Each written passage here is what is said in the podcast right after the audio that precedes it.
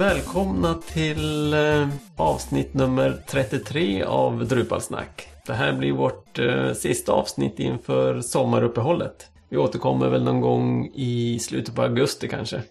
Med mig idag så har jag Kristoffer. Hallå, hallå!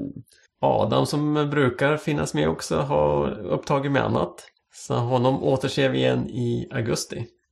Idag tänkte jag att vi skulle prata om Drupalsäkerhet. Vi hade ju fått in ett brev, Kristoffer, där det var någon som gärna ville att vi skulle prata om sånt. Ja, en eh, Mikael som eh, mejlade in oss för en månad sedan ungefär och det här med att eh, vi i webbsystem gjorde en sån security audit när vi gick igenom en sajt innan vi har tagit över driften utav det hela.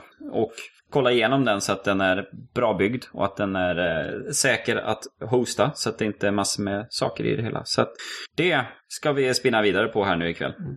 Och jag har också haft eh, två större webbplatser som har gått igenom riktiga security reviews och code audits och sådana här grejer. Riktigt intressant att få sin kod riktigt genomgången och se vad resultatet blir. Så vi tänkte att vi skulle ge eh, den hur vi tänker när vi eh, bygger webbplatser för att de ska vara säkra. Vi har väl dels kod och Drupal-saker och så har vi då eh, serversidan och som du skrev odrupal-saker. Vi är Norrlandspodd idag känns det som. Då kan man säga saker som odrupal. Ska vi börja med koden i Drupal-koden, Kristoffer? Ja. Mitt första tips som jag skrev, det var att eh, hålla core och moduler uppdaterade. Mm. Och det är ju absolut det, är ju det man ska se till att göra. För eh, är det någonting som är enkelt att hacka en sida, det är om man har en, en, en dokumenterad bugg som inte man har patchat. Då, då är det ju väldigt lätt att utnyttja den buggen för då har man ju koden och kunna se vad som är gjort. Så att är, där är, jobbar man ju i så fall inte i blindo när du ska hacka en sajt. Så därför så, håll den uppdaterad och modulen uppdaterad och det är inte så svårt. Det är så nästan alltid alla Wordpress-sajter eh, hackas. Mm. Eh, folk håller dem inte uppdaterade och det är en sån stor plattform. Så att um, folk skriver speciella script som bara går igenom alla Wordpress-sajter den kan hitta och tittar om de är patchade eller inte och så är de inte så bara tar man över dem. Mm. Ja, och det är ju så enkelt att skripta just det med att Ja, det har kommit ut en ny säkerhetsuppdatering och eh, ja, men är det Drupal säkerhetsuppdatering då, eh, då skriptar man och sen finns det ju färdiga eh, eh sökdatabaser med, som har mm, eh, trackat eller tagit ut metadata från en sajt så att de vet vilka Drupal-sajter det finns och sen så är det bara att gå igenom de 10 000, 20 000, 100 000 IP-numren och bara testar. Funkar den här eh, säkerhetsbristen? Nej, nej, vi går vidare till nästa. Ja, här funkar det. Ja, men då kör vi den och så tar vi över sajten. Så det är väl det första och det viktigaste tipset. Håll mm. core och moduler mm, uppdaterade löpande. Det är någonting så är det bara när man kör Drupal eller vilket annat modernt CMS som helst. Man får bara acceptera att man hela tiden måste hålla på att uppdatera webbplatsen. Ja. Sen har du nämnt dev-moduler, vara eller inte vara. Ja, eh, för det är ju det att eh, ibland så stöter man på något problem och sen så, ja men då installerar jag dev-modulen. Och, eh, för då löser den mitt problem. Och då blir det det att när det sen kommer en, en, en ny commit så eh, kanske man håller på att uppdatera sin sajt och den committen är inte komplett än. Så att där är ju mer en liten, det kanske inte är säkerhet utav att sajten blir hackad utan det är väl mer sin egen säkerhet. Vad händer? Eh, Sådär, en dev-modul kan man aldrig vara säker på att den är stabil mellan två datum. För det blir ju inte ett nytt versionsnummer. Uh, själv jag, har vi ju använt Field eh, Collection lite grann. En, en, och då var vi tvungna att gå över till dev Eh, branchen för att den, eh, den, det var en patch som vi ville eh, använda som var committad. Sen eh, eh någon vecka senare så uppdaterade vi den eh, dev-branschen och då slutade all vår custom code funka. För vi hade API mot Field Collection. Och då hade de gjort om API-et ganska mycket i datastrukturen. Eh, vad som levereras tillbaka. Så att då så fick vi ju ägna ganska mycket tid att fixa ordning vår kod. Och sedan så några månader senare, då tog de tillbaka sin ändring. Så då fick vi ju eh, patcha tillbaka vår kod för att matcha API. Så därför är det en, lit, en liten brist att ligga på dev-moduler. Eh, Även om de har de senaste och frä, ja, läckraste funktionerna. Men ja, det, det, är någonting man ska notera. Att man ligger på en dev-version. Mm. Eh, de heter dev-versioner. De heter ju ofta någonting med 7x någonting och så dev.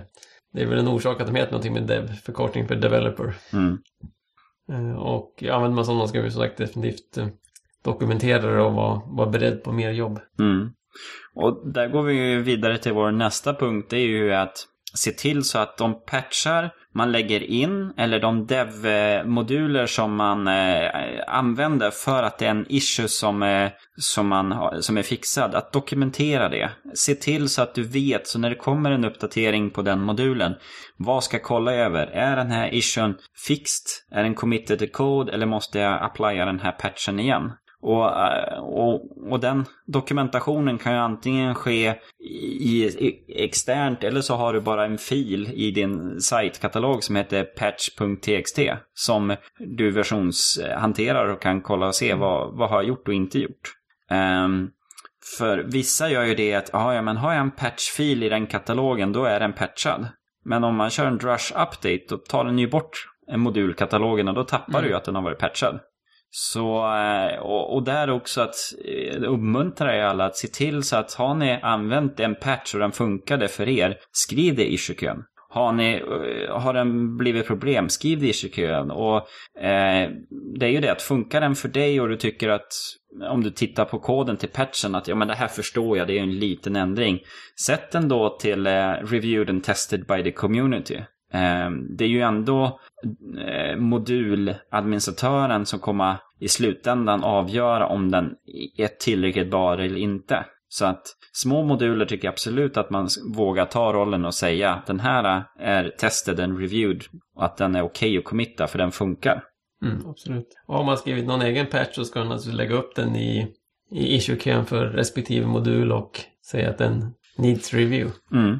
Så att man har någon chans att få in den så att man sen efter ett tag kanske kan inte behöver ha någon patchad kod längre. Ja.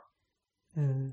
Sen har jag ett tips om eh, att många moduler ger ju mer kod och mer kod kan ha mer buggar. Och det är någonting i det här sammanhanget brukar kalla för attackyta. Att det finns en, en större yta, större, mer rader av kod att kunna att attackera. Så jag försöker på mina projekt ofta vara väldigt stringent med vilka moduler man lägger till. Mm.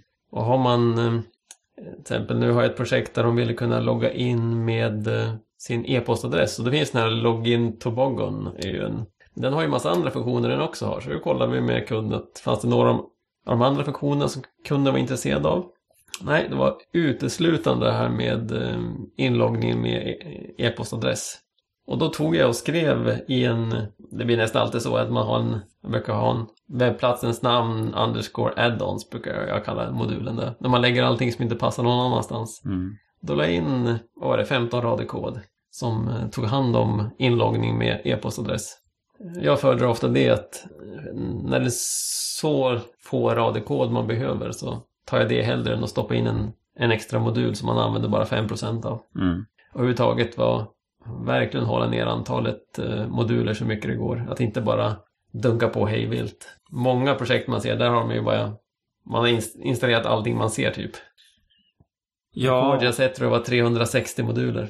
Ja, ja, 240 har jag sett. Och då är det ju det att, ja men 240 moduler. Och låt säga att varje modul kommer med en uppdatering en gång per år. Då är det ju, det är ju inte ofta de sker då. Mm. Det betyder ju att du har ju, vad blir det, 20 stycken uppdateringar i, i månaden. Så att det är nästan varje dag man får vara och, och uppdatera sin kod. För det är en ny modul som har en ändring. exakt. Så därför så håll nere det lite grann vad man har för att och vad är det för funktioner man använder. Och det är ju det, Drupal kan du ju lösa mycket genom att bara installera en modul. Det finns en modul för det, det finns en modul för det. Eh, men eh, våga ta steget att börja koda och skriva egna moduler för det är inte så mycket jobb. Det gäller bara att, mm. att lära sig lite grann API och att det är möjligt att hookas in på väldigt specifika saker. Jag kan ändra i ett formulär och det är bara det formuläret jag ändrar i och så. Så jag föredrar att hålla mig till ja, views, eh, rules, eh, display suit, context. De här verkligen generella moduler som man kan bygga mycket med och sen mm. så bygger man lite egen så här glue code som man kallar det för att hålla ihop det. Mm. Modulen Hacked, nu när vi pratar om moduler. Den är, är ju guld värd. Den, är, den, är, den heter ju Hacked. Eh, för att eh, Eh, man, kör i, man laddar ner den modulen. Antingen så kör man den bara som ett rush, behöver inte aktivera den. Eller så aktiverar du den på sajten och kan köra via webbgränssnittet. Och det är ju en jättesmart modul. Det den gör, det är att den ser vilka moduler har du installerade, vilket versionnummer är det. Bra, då går han ut och hämtar exakt samma kod och modulversion från drupal.org. Och sen diffar ju den eh, modul för modul, kodrad för kodrad. Och sen får du en fin rapport. De här modulerna är ändrade. Det är tre filer som är ändrade i det här projektet. Ingen i den här eh, modulen.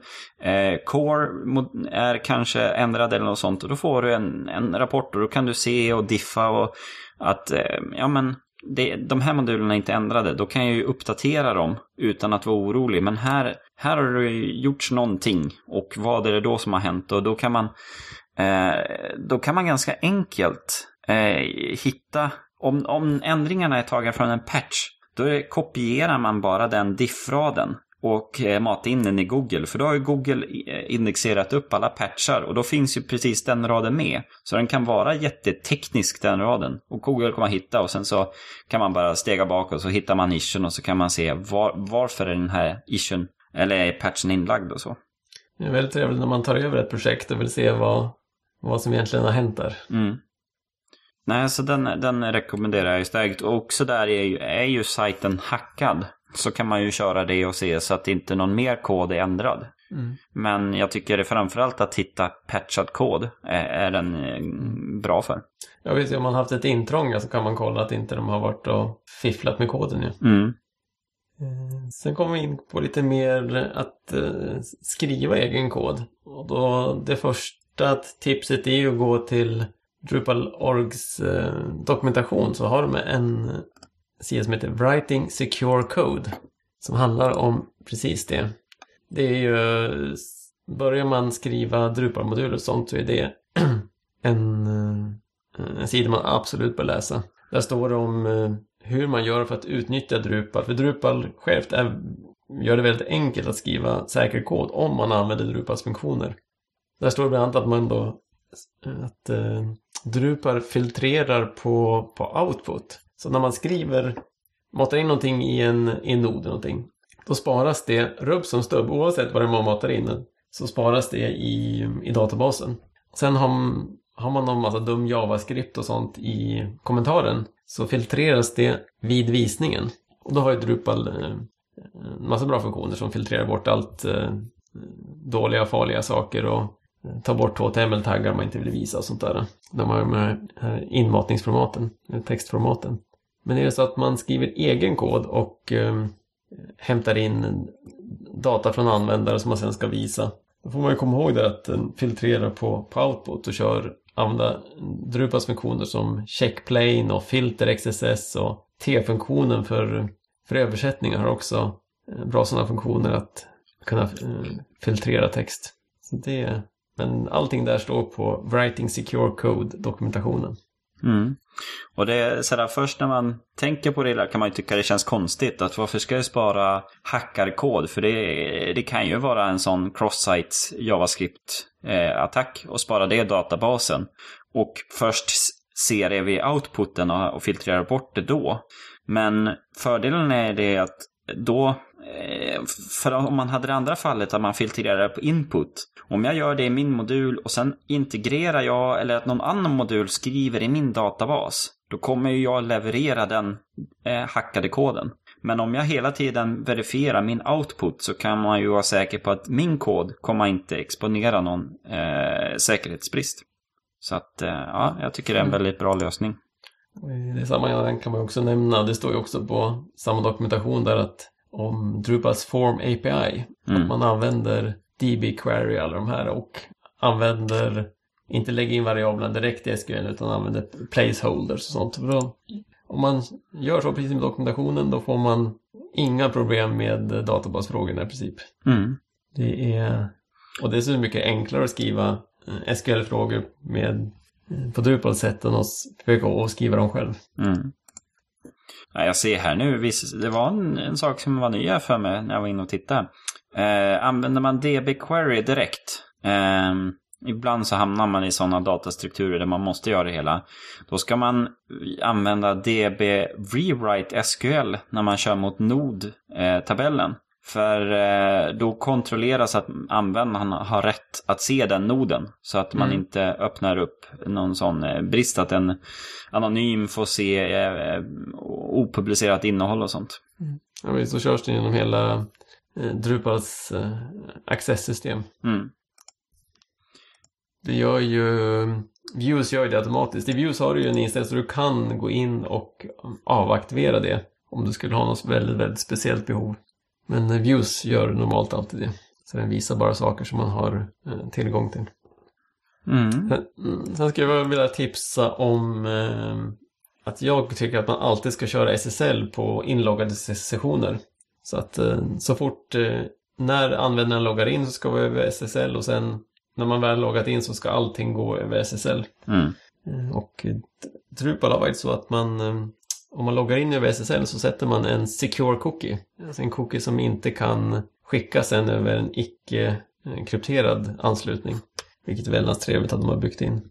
Eh, ja, har man någonsin liten eh, eh, privata eh, webbplats kanske man inte tycker det spelar stor roll. Men om man inte kör inloggning över SSL så då görs ju allting i klartext. Sitter någon och lyssnar på linan däremellan så kan de hur, hur enkelt som helst kapa sessionen och ta över webbplatsen. Ja, och framförallt surfar du in via ett webbcafé och så här, ja men jag loggar in på min sajt här lite snabbt. Då kan det sitta någon där och lyssna på din trafik och sedan vet du inte när den kommer att logga in på din sajt. Så att eh, det, ja, jag tycker det är också väldigt viktigt att, eh, att få användare att logga in via SSL. Eh, Jag tipsar om, på min, det kostar ju en slant att ha SSL-cert. Speciellt de lite bra varianterna. Men eh, jag använder en, ja, det är väl typ SSL-certens eh, open source-variant. Det är ju CA-cert. Som är en ideell organisation. Problemet är att då måste man ladda hem rotcertet och alla ens användare måste också ladda hem CA-certs eh, rotcert och installera det. För det följer inte med webbläsarna som alla andra SSL-certs rotcert gör. Mm.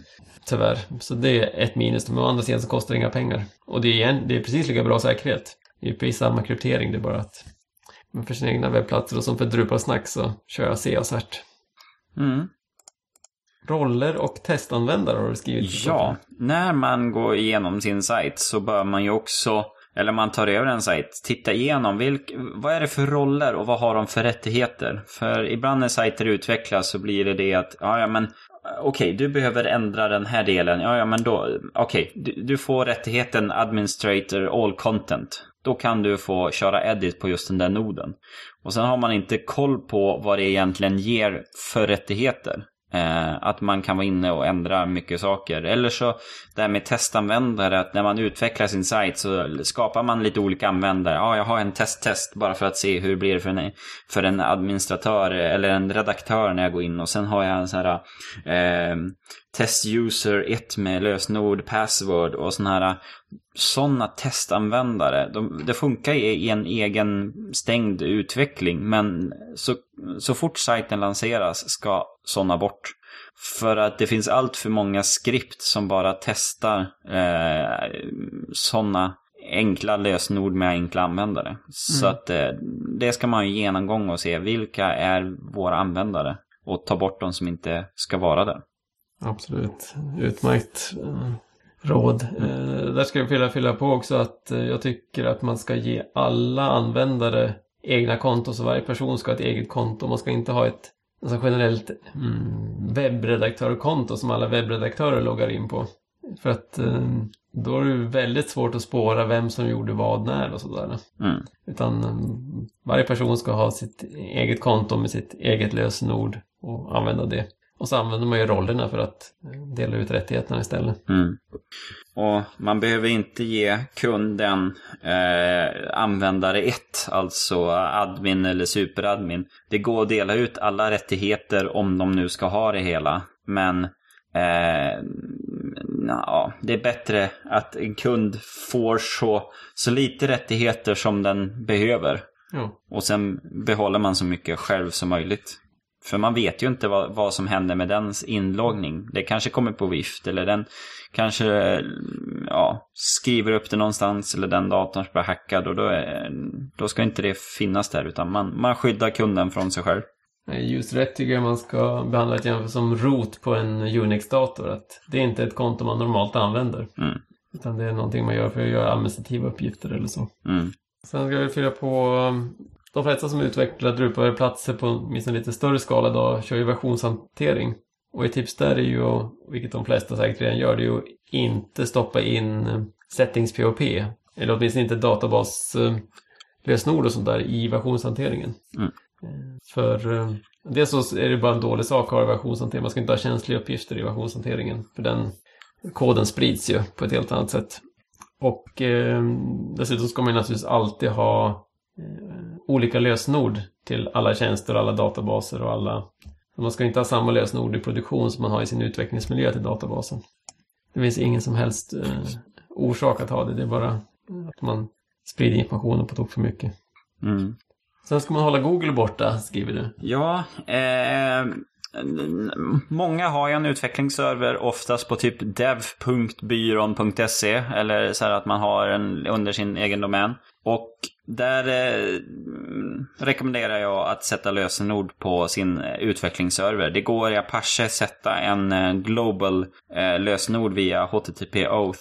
Så att eh, alla alla ens eh, V-hostar får lösenord. För att Google inte ska snappa upp dem och bara indexera. För att det kan ju vara känsliga uppgifter med att du har en stor kund på gång. Och sen så har Google snappat upp den här sajten. Men det, det har också att göra med, ja men, det är dubbelindexerar och Google tycker inte om när du har en kopia på en sajt. Det är spamvarning. Så att då kanske den ordinarie sajten sjunker i ranking för du har två sajter med exakt samma innehåll.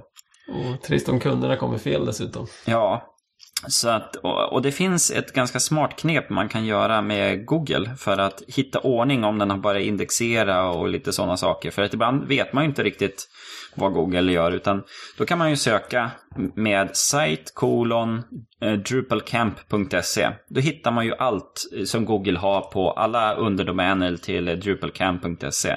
Sedan lägger man till ett minus site eh, kolon till exempel spring 2014.drupalcamp.se. Då får vi upp alla sajter under eh, drupalcamp.se som inte är subdomänen spring 2014. Och sen kan man bara lägga på sådana här minusargument så kan du få en lista utav alla subdomäner som eh, Google har indexerat. Och då kan man, eh, och det finns skript som gör det här mer per automatik, men då kan man ju se, hitta vad är det för någonting som är eh, indexerat och vad, vad måste jag se till att få bort. Och då är det ju det att ta bort sajten, lösenordskydda den, eh, se till att returnera en 301 till er startsida eller något annat så att Google får hintar om att det här, det här ska tas bort ifrån vårt register. Mm. Och eh, sen så skrev du ju här om eh, Sanitize. Ja, det är ett eh, Drush-kommando eller Drush-attribut som finns för SQL-sync. Och tycker jag generellt, eh, jag använder normalt eh, SQL-sync i Drush för att flytta databaser fram och tillbaka. Eh, och jag tycker att eh, jag brukar ofta när jag sätter upp testwebbplatser och när jag skickar ut, sätter upp databaser som ska gå ut till eh, som utvecklare ska använda för utvecklare så ser jag till att eh, Drush kör Sanitize på, på lösenorden i e-postadressen. Så alla e-postadresser blir eh, username at exempel.se exempel och alla lösenord blir password eller 1, 2, 3, 4. Jag tycker att det är onödigt att eh, sprida ut eh, användarnas riktiga lösenord, eller ja, lösenord-hash då förstås, eftersom de är hashade i, i Drupal. Och deras e-postadresser, att det sprids ut till alla utvecklarnas datorer och till eh, killen som gör just det här temat och ja, det som om man skickar ut den rätta databasen så sprider man ut ganska känslig information väldigt brett och man vet inte hur, hur säker är alla de här människornas datorer och hur bra kollar de, hur försiktiga är de med, med uppgifterna och sådär. Mm. Det är mycket bättre att ha en sanitized databas som man skickar ut så slipper man bekymra sig om det. Mm. Och då kommer vi vidare lite grann till just det här med server och sådana odrupal-saker. Eh, att hur, hur sparas då ens backup och säkerhetskopior och utvecklingssajt och versionskod? Eh, För även om sajten ligger på en jättesäker server, ingen kommer att kunna ta sig in på den och så, men Sen eh, kanske man sparar undan koden i versionshanteringssystem och det där eh, committas iväg, pushas till en annan server och där eh, går det vidare och sen helt plötsligt så har man koden helt öppen. Eh, jag har faktiskt stött på ett case där eh, en utvecklare hade sparat all sin kod i eh, ett GitRep story och eh, även dumpat ner databasen där och använt det som ett backup-system och hade lagt det på en sajts eh, publika repository. Så att man kunde via en hemsida gå in och titta på hela sajten och ladda ner databasen. Och det är ju så här, ja visst det var en backup, men hur sparar du din backup egentligen? Den är ju lika viktig att skydda som själva sajten. Mm. Um, och det är ju det. Är det vikt, ja. viktigt att, uh, att man gör säkerhetskopior för det är en otroligt viktig del i säkerhetsarbetet. Om man blir hackad någonting så måste man ha en säkerhetskopia på ett tryggt ställe så att man kan återställa. Men dessutom så måste ju säkerhetskopian, precis som du säger, den måste ju, man ska vara lika rädd om den som om originalet. Mm. För den innehåller ju förhoppningsvis exakt samma information. Mm.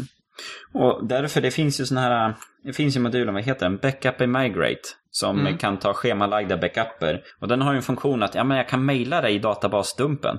Eh, om man har en liten databas, ja men då får jag ett mail och då vet jag, den har jag offsite. Men det innebär att din databas går i klartext. För mail är ju klartext. Det mm. går i klartext till din brevlåda och eh, Google kommer att spara den och du vet inte vad, annars, vad annat på vägen som indexerar det hela.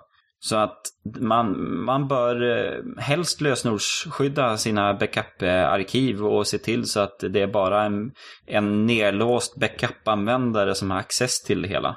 Och inte att man har det på sin egen användare på sin laptop som man går iväg och finns lite varstans på och så. Mm. Ja, mycket bra råd. Server, Apache och Drupal-versioner. Ja, det är ju inte bara eh, Drupals core och moduler som ska hållas uppdaterade. Det är ju hela maskinen. Vad kör du för Apache-version? Vad kör du för Ubuntu-version? Vad kör du för eh, mail-version? Eh, och så här, vad, hela stacken måste ju hållas uppdaterad. För att om någon får in en fot på din server, då vet du inte vars de går vidare någonstans.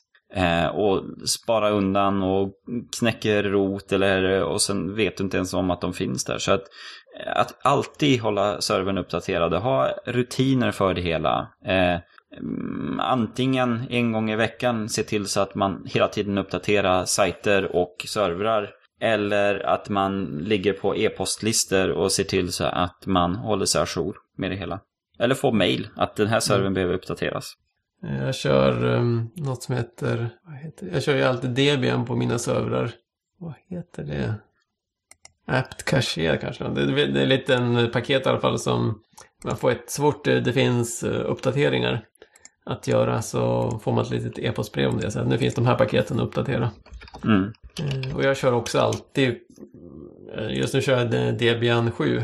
Och jag installerar alltid, jag kör alltid på POP, Apache-version, allting som följer med i, i Debian 7 som är standard. Mm. För då när man, för Debian, Ubuntu och de här har ju väldigt bra säkerhetsuppdateringar. Men börjar man installera och kompilera helt egna versioner då får man ju ta hand om det själv. Mm. Då kör jag hellre på stabila, trygga, tråkiga, lite äldre versioner som följer med eh, ens distribution. Och då vet man att de helt löpande kommer alltid hållas uppdaterade och man behöver bara göra Aptitude Safe Upgrade så är man, är man klar med rubb som stubb. Mm. Och så mm, någonting som jag stöter på då och då. Jag tror att de eh, flesta distributioner har börjat ändras nu men en del äldre distributioner körde som förval så tog man POP-INI-filen så tog man den develop-versionen. POP levereras ofta med ett antal exempel inställningsfiler. Och då brukar det finnas en som heter Production någonting och så eh, Develop och den som har installerats som förval är, är Develop. Som har massa jättedåliga inställningar att ha i produktion. Öppnar upp på tok för mycket och visar error-meddelanden och eh, ger dålig prestanda och sådär. så bekräfta att man kör eh, production-versionen av POP in i tips. Mm. Och, eh, men det vi gör, tror jag de flesta distributioner gör, det är att se till att MySQL har bind address till 127.0.0.1. Så att man bara kan komma åt MySQL eh, från localhost och Mm. inte komma åt utifrån. Ibland så kanske man måste komma åt utifrån. Då kanske man får köra bind på någon specifik om man har databaser på en separat server mot Webhead. Men inte... Ja, där kan vi också säga att Drupal har ju också sin inställning där för meddelanden, att allt ska visas. Mm. Och då får man ju den här med att det finns en säkerhetsuppdatering eh, och att installera om man kör med eh, Update Manager. Mm. Och då är det ju det att jag har upplevt att det är de flesta användare som är inloggade ser det hela.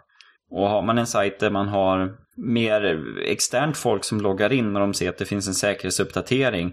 Eh, Om de är illasinnande så kommer de ju söka upp vad det är för Mm. eh, säkerhetsbrist och försöka hacka det hela. Normalt bara dåligt ut också. Ja, jo det gör det ju. Ja, i, på, I produktion så normalt stänger jag av update. Så kör jag den bara på utvecklingsmiljö nu. Mm. Den eh, sätter den igång, får den först att sätta igång och ska kolla vilka nya versioner som finns kan det bli en himla seg sidladdning. Ja, och jag var faktiskt inne och tittade och det är ju eh, Update Manager, de eh, implementerar Hook Init. Så att vid varje kod, eh, vid varje sidhämtning så har de en liten kod där de kollar, är du en viss typ av användare och finns det uppdateringar, då ska vi ju visa den här security messages. Så att det är ju det är kod som körs jämt. Det är ju inte någon tung kod för det mesta cachas ju. Men det är ju ändå några rader kod som ska köras. Så där har vi ju tillbaka där vi började med också. Behöver alla moduler vara aktiva? Kan man inaktivera dem? Ja, visst. Och där som jag glömde nämna med alla de här UI-modulerna. Det är därför de har flyttats över till det Rules UI, du har Context UI, Views UI, alltså UI för User Interface. Ja, Field UI. Ja, precis. Ehm, De kan ju normalt stängas av på en produktionsserver. Mm. Om det är, ja, det, nu är det på hur stor webbplats det är och sånt. Är det så att man, en liten webbplats där man gör saker direkt, då behöver man göra dem. Men är det lite större webbplats där man, allting körs via updates, hook och features och sånt, då behövs de ju inte i produktion. Ja, och där kan man ju på en liten sajt kan du ju ha ett färdigt Drush-skript eller ett alias, Drush-alias, där du Mm. aktiverar alla UI-moduler och sen inaktiverar alla dem. Ja, det kan man ju definitivt göra. Ingen dum idé. Sen har vi... en, ja, kör. Jo, sen har vi det här med att eh, när man har en, en server, det är ju inte bara eh, webbserver och Drupal som finns där. Man har ju andra tjänster som man också bör kolla över. Eh, och att de är uppdaterade, att mail och allt sånt. Men man är ju också beroende av externa tjänster som inte är på en server. Hur, hur skickar du mail som? Skickar du det direkt från maskinen eller skickar man det via typ eh, Googles SMTP-servrar, eh, Telias eh, SMTP-server? eller kör du mail, Mandrill eller något sånt? Och vilka tredjepartstjänster har du? Och har du kontroll på de kontona? Eh, när du tar över en, någon annan sajt Eh, vi hade ju en sajt vi tog över här och då var det så här, eh, de använde Mollom för eh, att kontrollera formulär som skickas in. Och då är det ju inte så här, eh, den utvecklaren, hade den koll på vilken Mollom-inloggning han hade? Det är ju ett sån tjänst som är ganska enkel att bara registrera ett nytt konto och sen så matar man in de API-nyckeln och sen så är man igång. Men eh, Google Analytics, där vill du ha ganska bra kontroll. Eh, vad händer om det skiter sig? Och då tappar du all historik. Eh, och eh, just det med om du använder en extern mail mailtjänst som är Mandrill. Om inte du kan, tar kontroll över hela så kan du ha en, en gammal byrå som ser vilka mejl skick- skickas ut. Och i Mandrill kan du även se innehållet på de senaste mejlen. Så att då kan de ju riktigt följa med. Så att se till så att man har eh, skriver ner alla tredjepartstjänster som används eh, på sajten och i övrigt. För man använder mycket av dem. Ja, men ja, Twitter, Google Maps är en tredjepartstjänst och sådana saker. Så att, mm. Och sen kommer vi till nästa sak också som är väldigt viktigt med security audit och security arbete. Det är ju övervakning av maskiner och tjänster.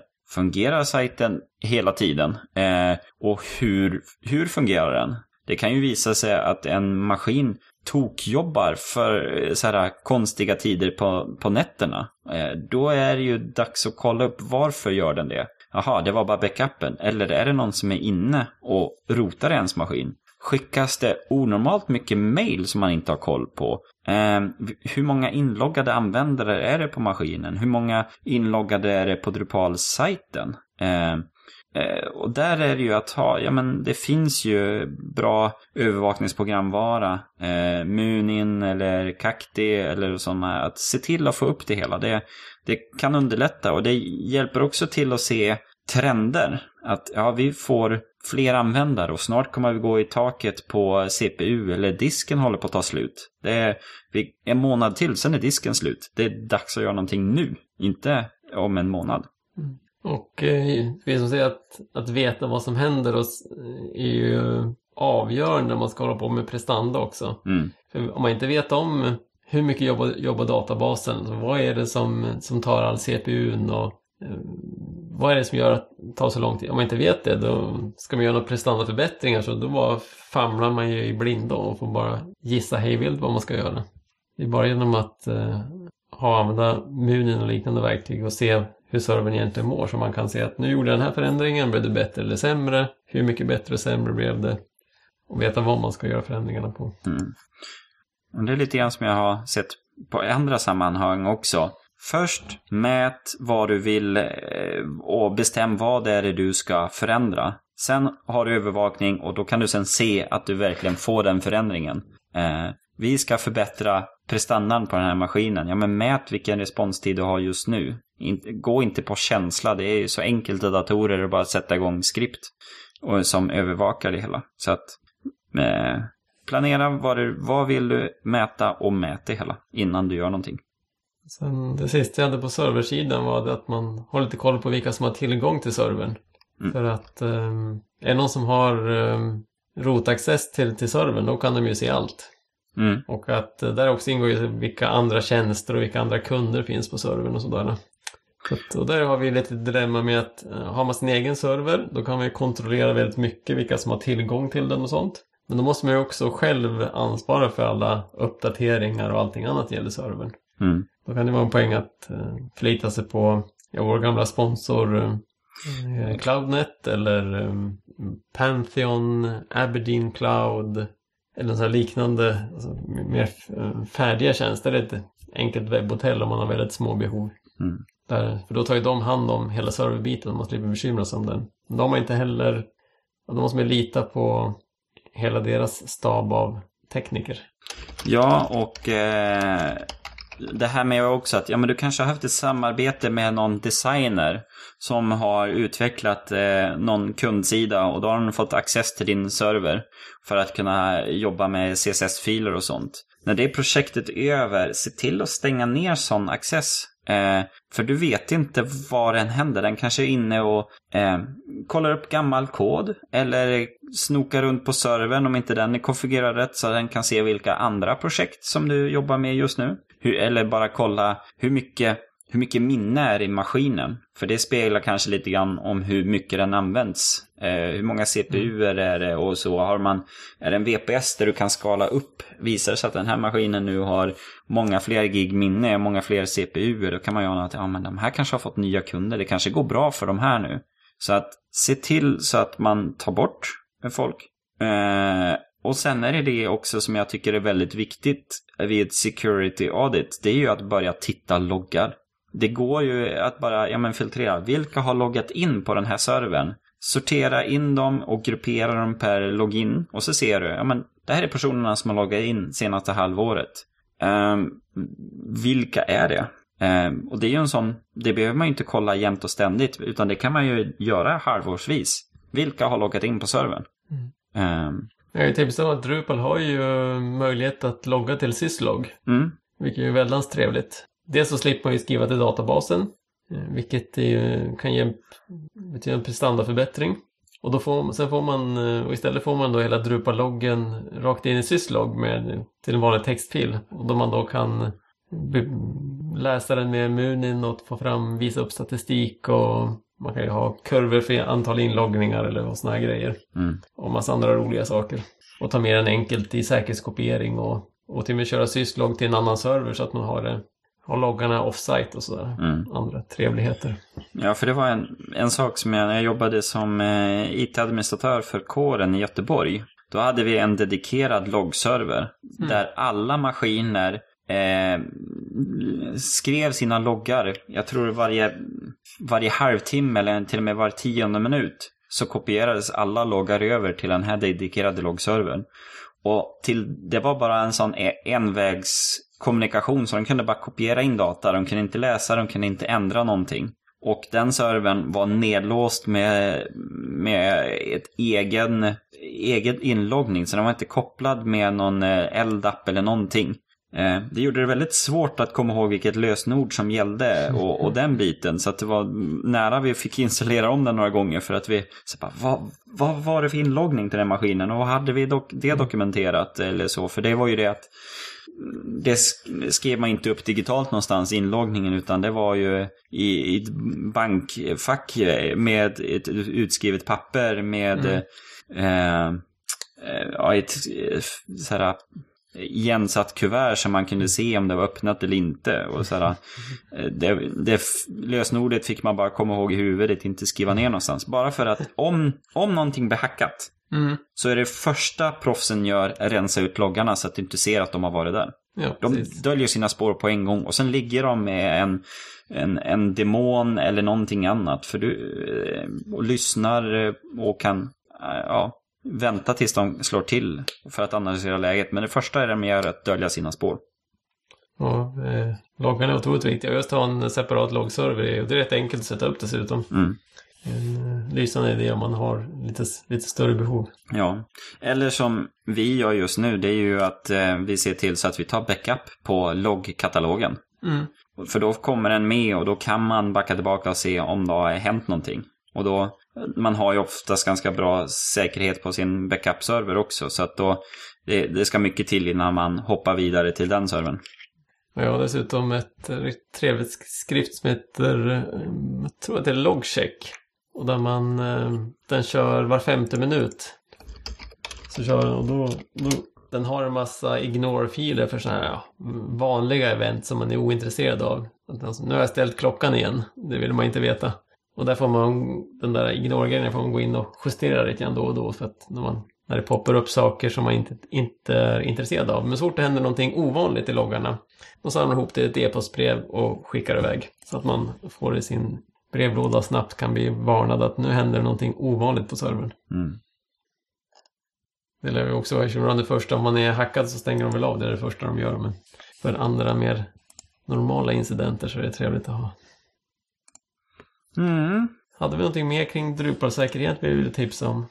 Det är mycket saker man behöver Ja. dona med. Ehm, ja, jag tänker bara på just lösenord. Använd ett bra lösenord, ett långt lösenord. Och olika lösenord. Ja.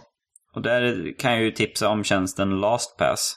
Mm. Eh, som har väldigt bra integration med webbläsaren. Eh, så att den kan fylla i eh, webbformulär automatiskt. Och all kryptering av lösenord görs i webbläsaren och skickas som en krypterad fil upp i molnet och synkas mellan enheter. Så att eh, det finns ingen tredje part som kan läsa ditt lösenord och tappar du bort ditt eh, rot eller huvudlösenord då är du körd. För att det finns ingen som kan knäcka det hela. Så att man måste komma ihåg sitt huvudlösenord. En LastPass och eh, på Mac-sidan finns det ett annat populärt som heter One Password. Det finns lite andra tjänster men det är väl de två stora. Ja, KeyPass är open source-variant också som jag Mm. några använder. Sådana lösenordshanterare är ju ja, i princip ett, ett måste. Mm. Ehm, och kör man eh, OS 10 så har Apple byggt in en rätt hyfsad variant i, i senaste s- version av systemet i 10.9. Så man kan synka upp mot molnet och sådär. Så man, för de eh, gör det ju praktiskt möjligt att ha långa, bra och olika lösenord för varenda tjänst. Mm. För att man behöver aldrig komma ihåg dem. Man bara LastPass också, där man man kommer till en ny webbplats, ska göra ett konto, så kan man trycka på en knapp. Pang så har man 32 teckens lösenord. Mm. Och så sp- sparar LastPass det. Och nästa gång man kommer och loggar in, oavsett om man har sin iPhone eller på i sin webbläsare eller så här, så då fyller, då fyller LastPass eh, i det där lösenordet. Man behöver inte veta vad det är för någonting. Man behöver bara ha sitt LastPass-lösenord, sitt enda, och då låser den upp hela. Möjliggör otroligt mycket bättre säkerhet. Ja, och där finns ju i LastPass så har du den här eh, team-funktionaliteten. Så att vi använder i vår webbyrå att vi, vi, vi har en delad mapp med lösenord i LastPass. Så att jag kan ju sitta på en, och generera upp ett eh, långt lösenord och så spara in det. Och några minuter senare när mina eh, kollegor går in och ska logga in på samma sajt, då finns min inloggning där. Eh, och då Ja, kan alltså han... kan, du har liksom bara en, du behöver inte dela alltihop utan du har bara en del som är liksom team. Som du delar och så har du resten som är privat. Ja, man har en mapp. Mm. Och det kan ha undermappar i det hela också. Och de kan man, man kan ju vara, eh, du kan ju ha flera olika mappar utdelade till olika delar utav din organisation. Så att då kan man säga, ja men det här är bara för frontendare eller det här är bara för eh, maintenance-folket eller så. Mm. Ja, klockrent. Och, eh, och de har ju färdiga rutiner så att, ja men, ditt huvudlösenord, eh, vill du spara det eller inte? Och vill, vill du vara fortsatt vara inloggad eh, för alltid eller ska du loggas ut efter en viss tid? Som på min telefon har jag ju LastPass-klienten inlogg, eller installerad. Mm. Men där eh, sparas min inloggning i fem- 10-15 minuter. Sen loggas jag ut. Så att om, om jag tappar min telefon så kommer inte den vara färdig inloggad med LastPass utan då måste ju um, den som tar telefonen kunna mitt huvudlösenord. Men på min arbetsdator där jag sitter dagligen, eh, som jag har bra koll på, den kommer inte stjälas. Där kan jag ju spara den längre, en hel arbetsdag eller en vecka.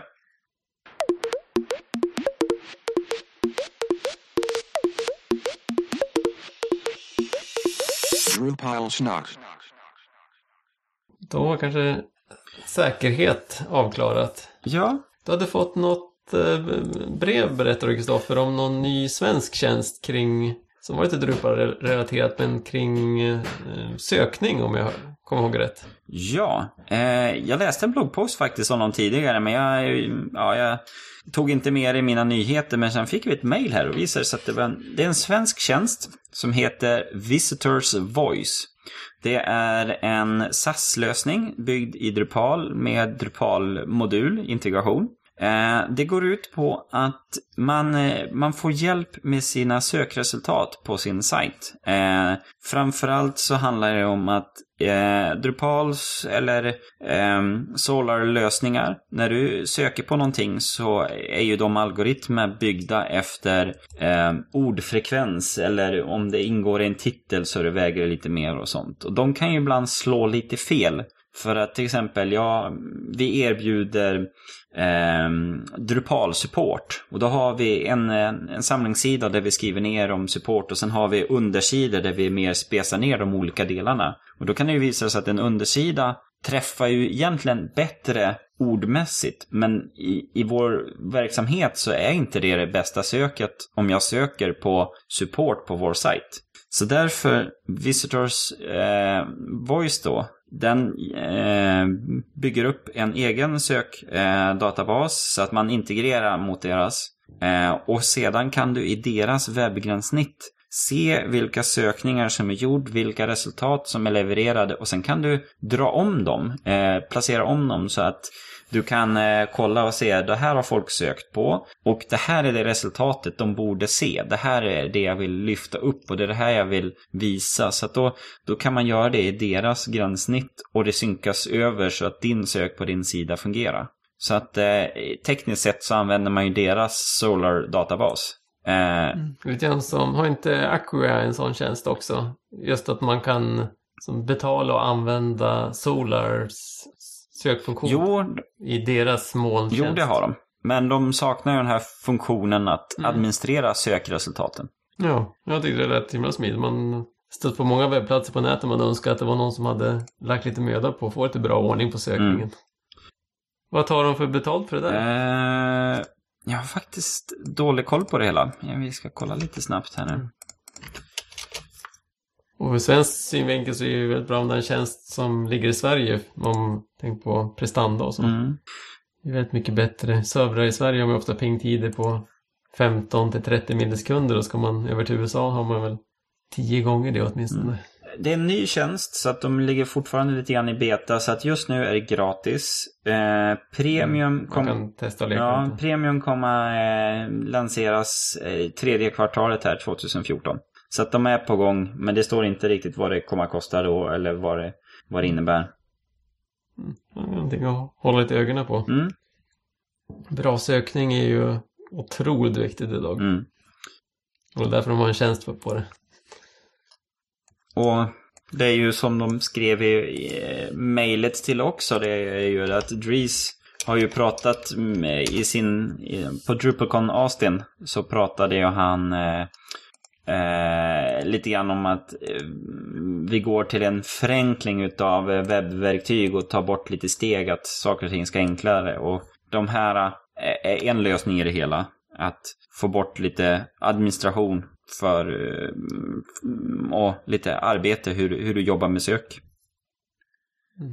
Har vi klarat av det här avsnittet tror du? Ja, Det var avsnitt nummer 33 om Drupal-säkerhet. Får jag tacka så mycket för ikväll ja Kristoffer. tack själv. Och tack alla er som har lyssnat. Ja, och en trevlig sommar till alla som har lyssnat också. Ja, och nu har vi som sagt eh, sommaruppehåll. Vi hörs igen i slutet på augusti tror vi. Och då får vi se vad vi ska prata om då. Har ni någonting ni vill tipsa om? Eller ställa fråga om? Eller förslag på ämnen och sånt? Så har vi våra diskusskommentarer på drupalsnack.se. Man kan skriva till info at drupalsnack.se. Eller man kan skriva på Twitter till drupalsnack. Ja men då så. Ha en trevlig sommar allihopa. Hej då! Hej då!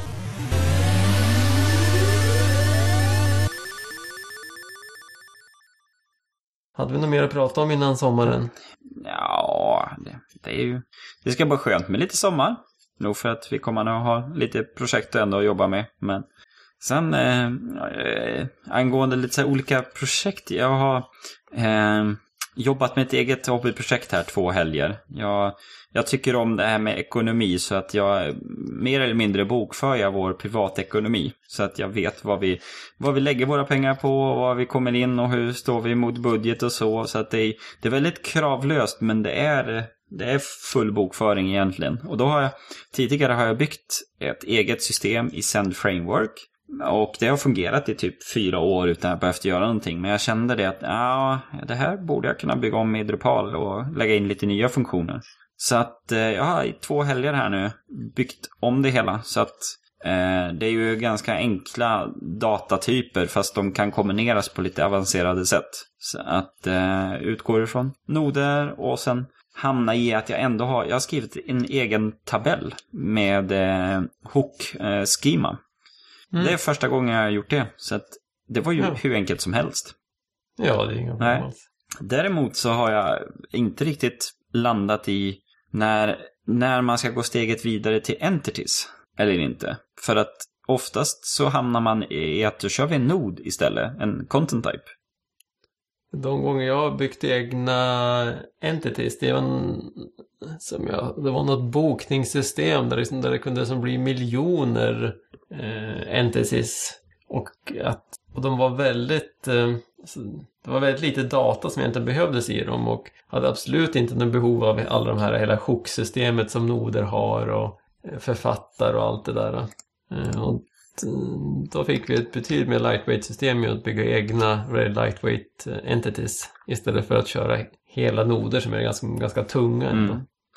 Nej, för i mitt fall så var det ju, det är egentligen bara en lookup-tabell som jag behövde.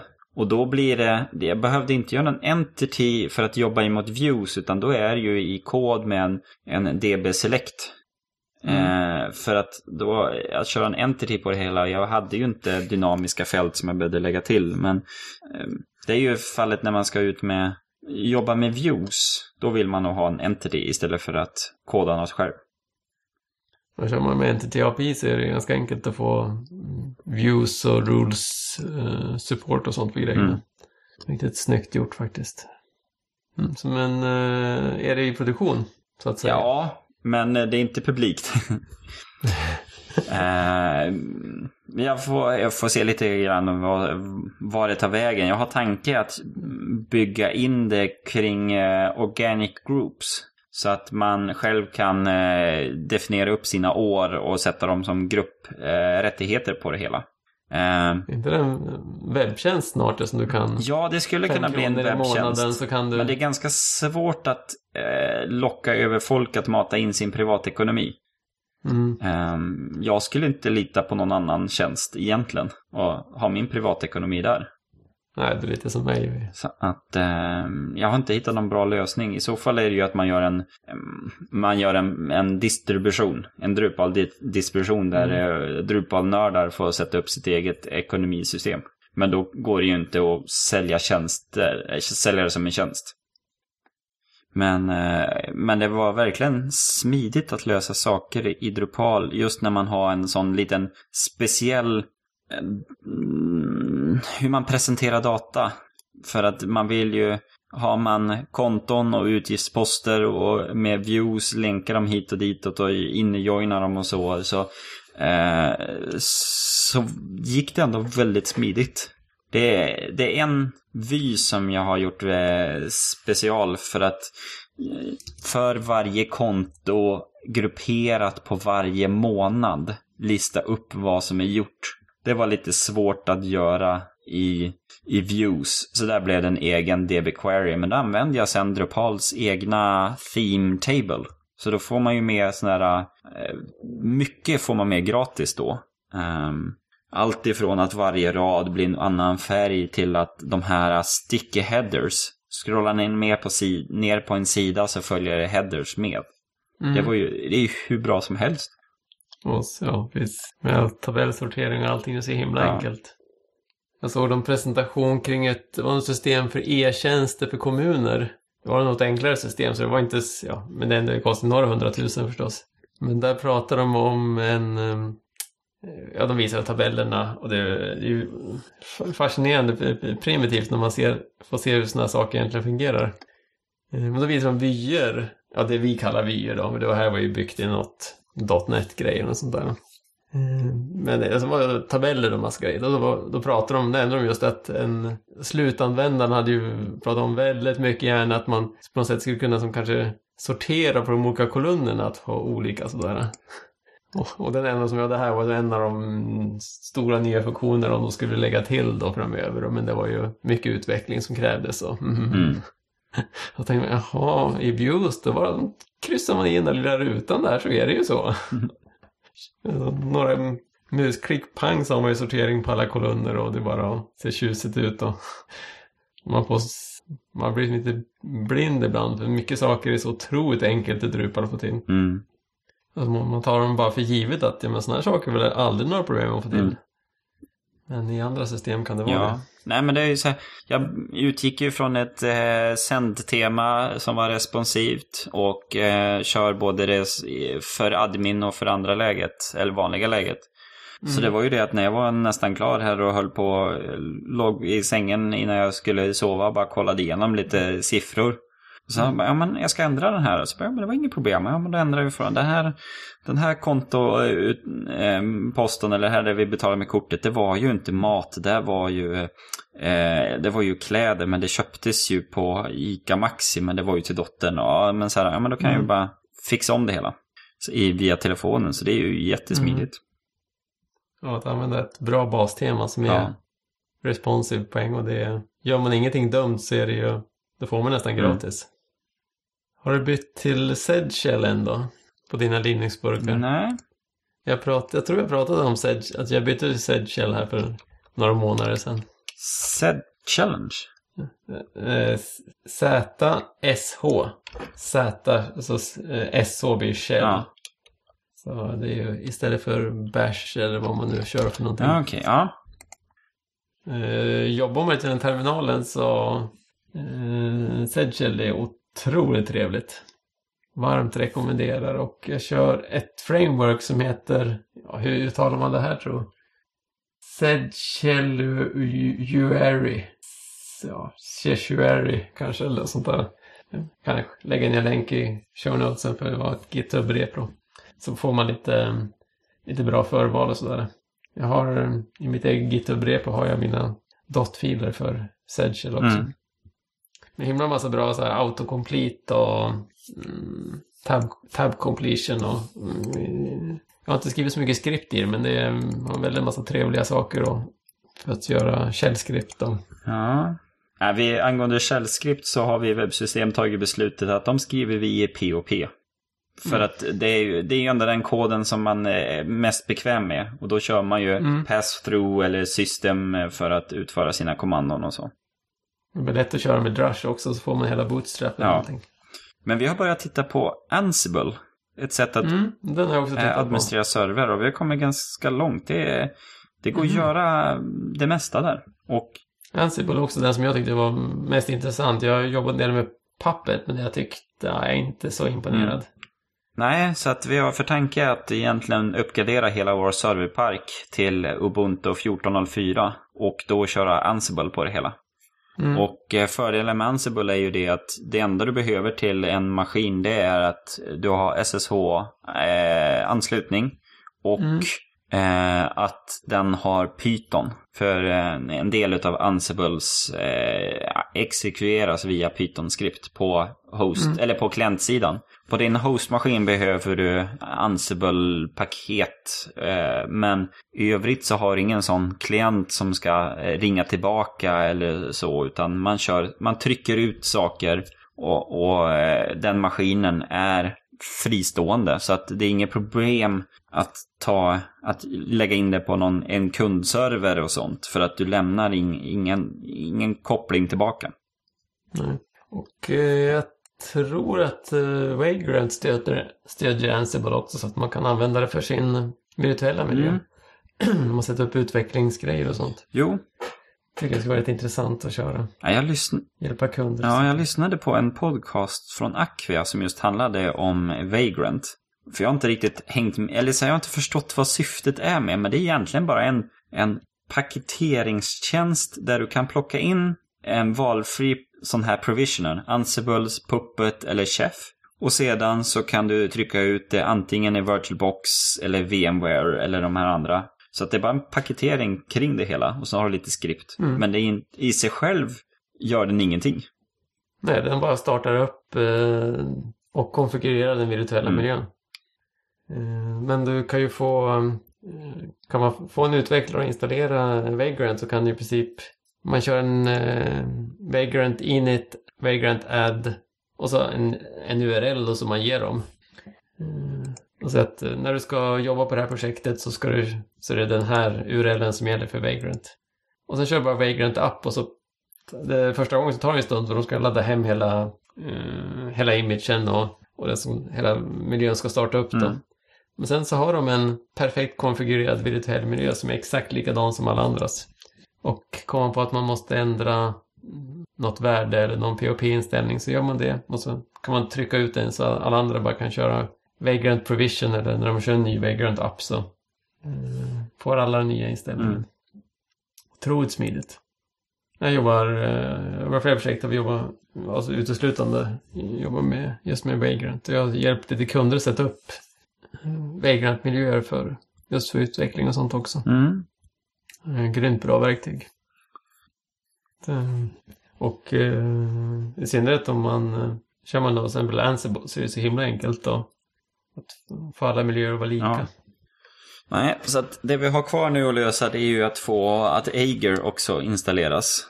Och där Mm. är paketet lite trasigt för Ubuntu 14.04 för man utgår bara från Debian.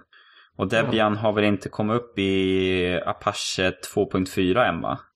Nej, man ligger kvar för att man hade något problem med något Perl-paket och grejer och sånt där. Så att man var på väg och skulle köra 2.4 men blev kvar på 2.2.1 tills Debian 8 om, ja, när nu, det nu Mm. blir. Nej, och det gör att eh, strukturen på ehm, eh, moduler och konfigurations-plugins eh, plugins till Apache ligger i en annan katalog. Eh, och då hade de en bugg i sitt eh, eh, packaging-skript. Så att jag har gjort en issue på det hela, men jag får se. Jag, ska, jag ska testa göra ett eget eh, repository-paket via Launchpad. Sånt PPA-del. Och sen ska man kunna publicera det där då. Så ska vi se hur det går. Nu lär det Bazaar också. Ja, det kanske det är. Inte Launchpad som kör. Inte det. Eller blandar jag ihop dem? Ja, det finns i alla fall här. Mm, det kan vara det.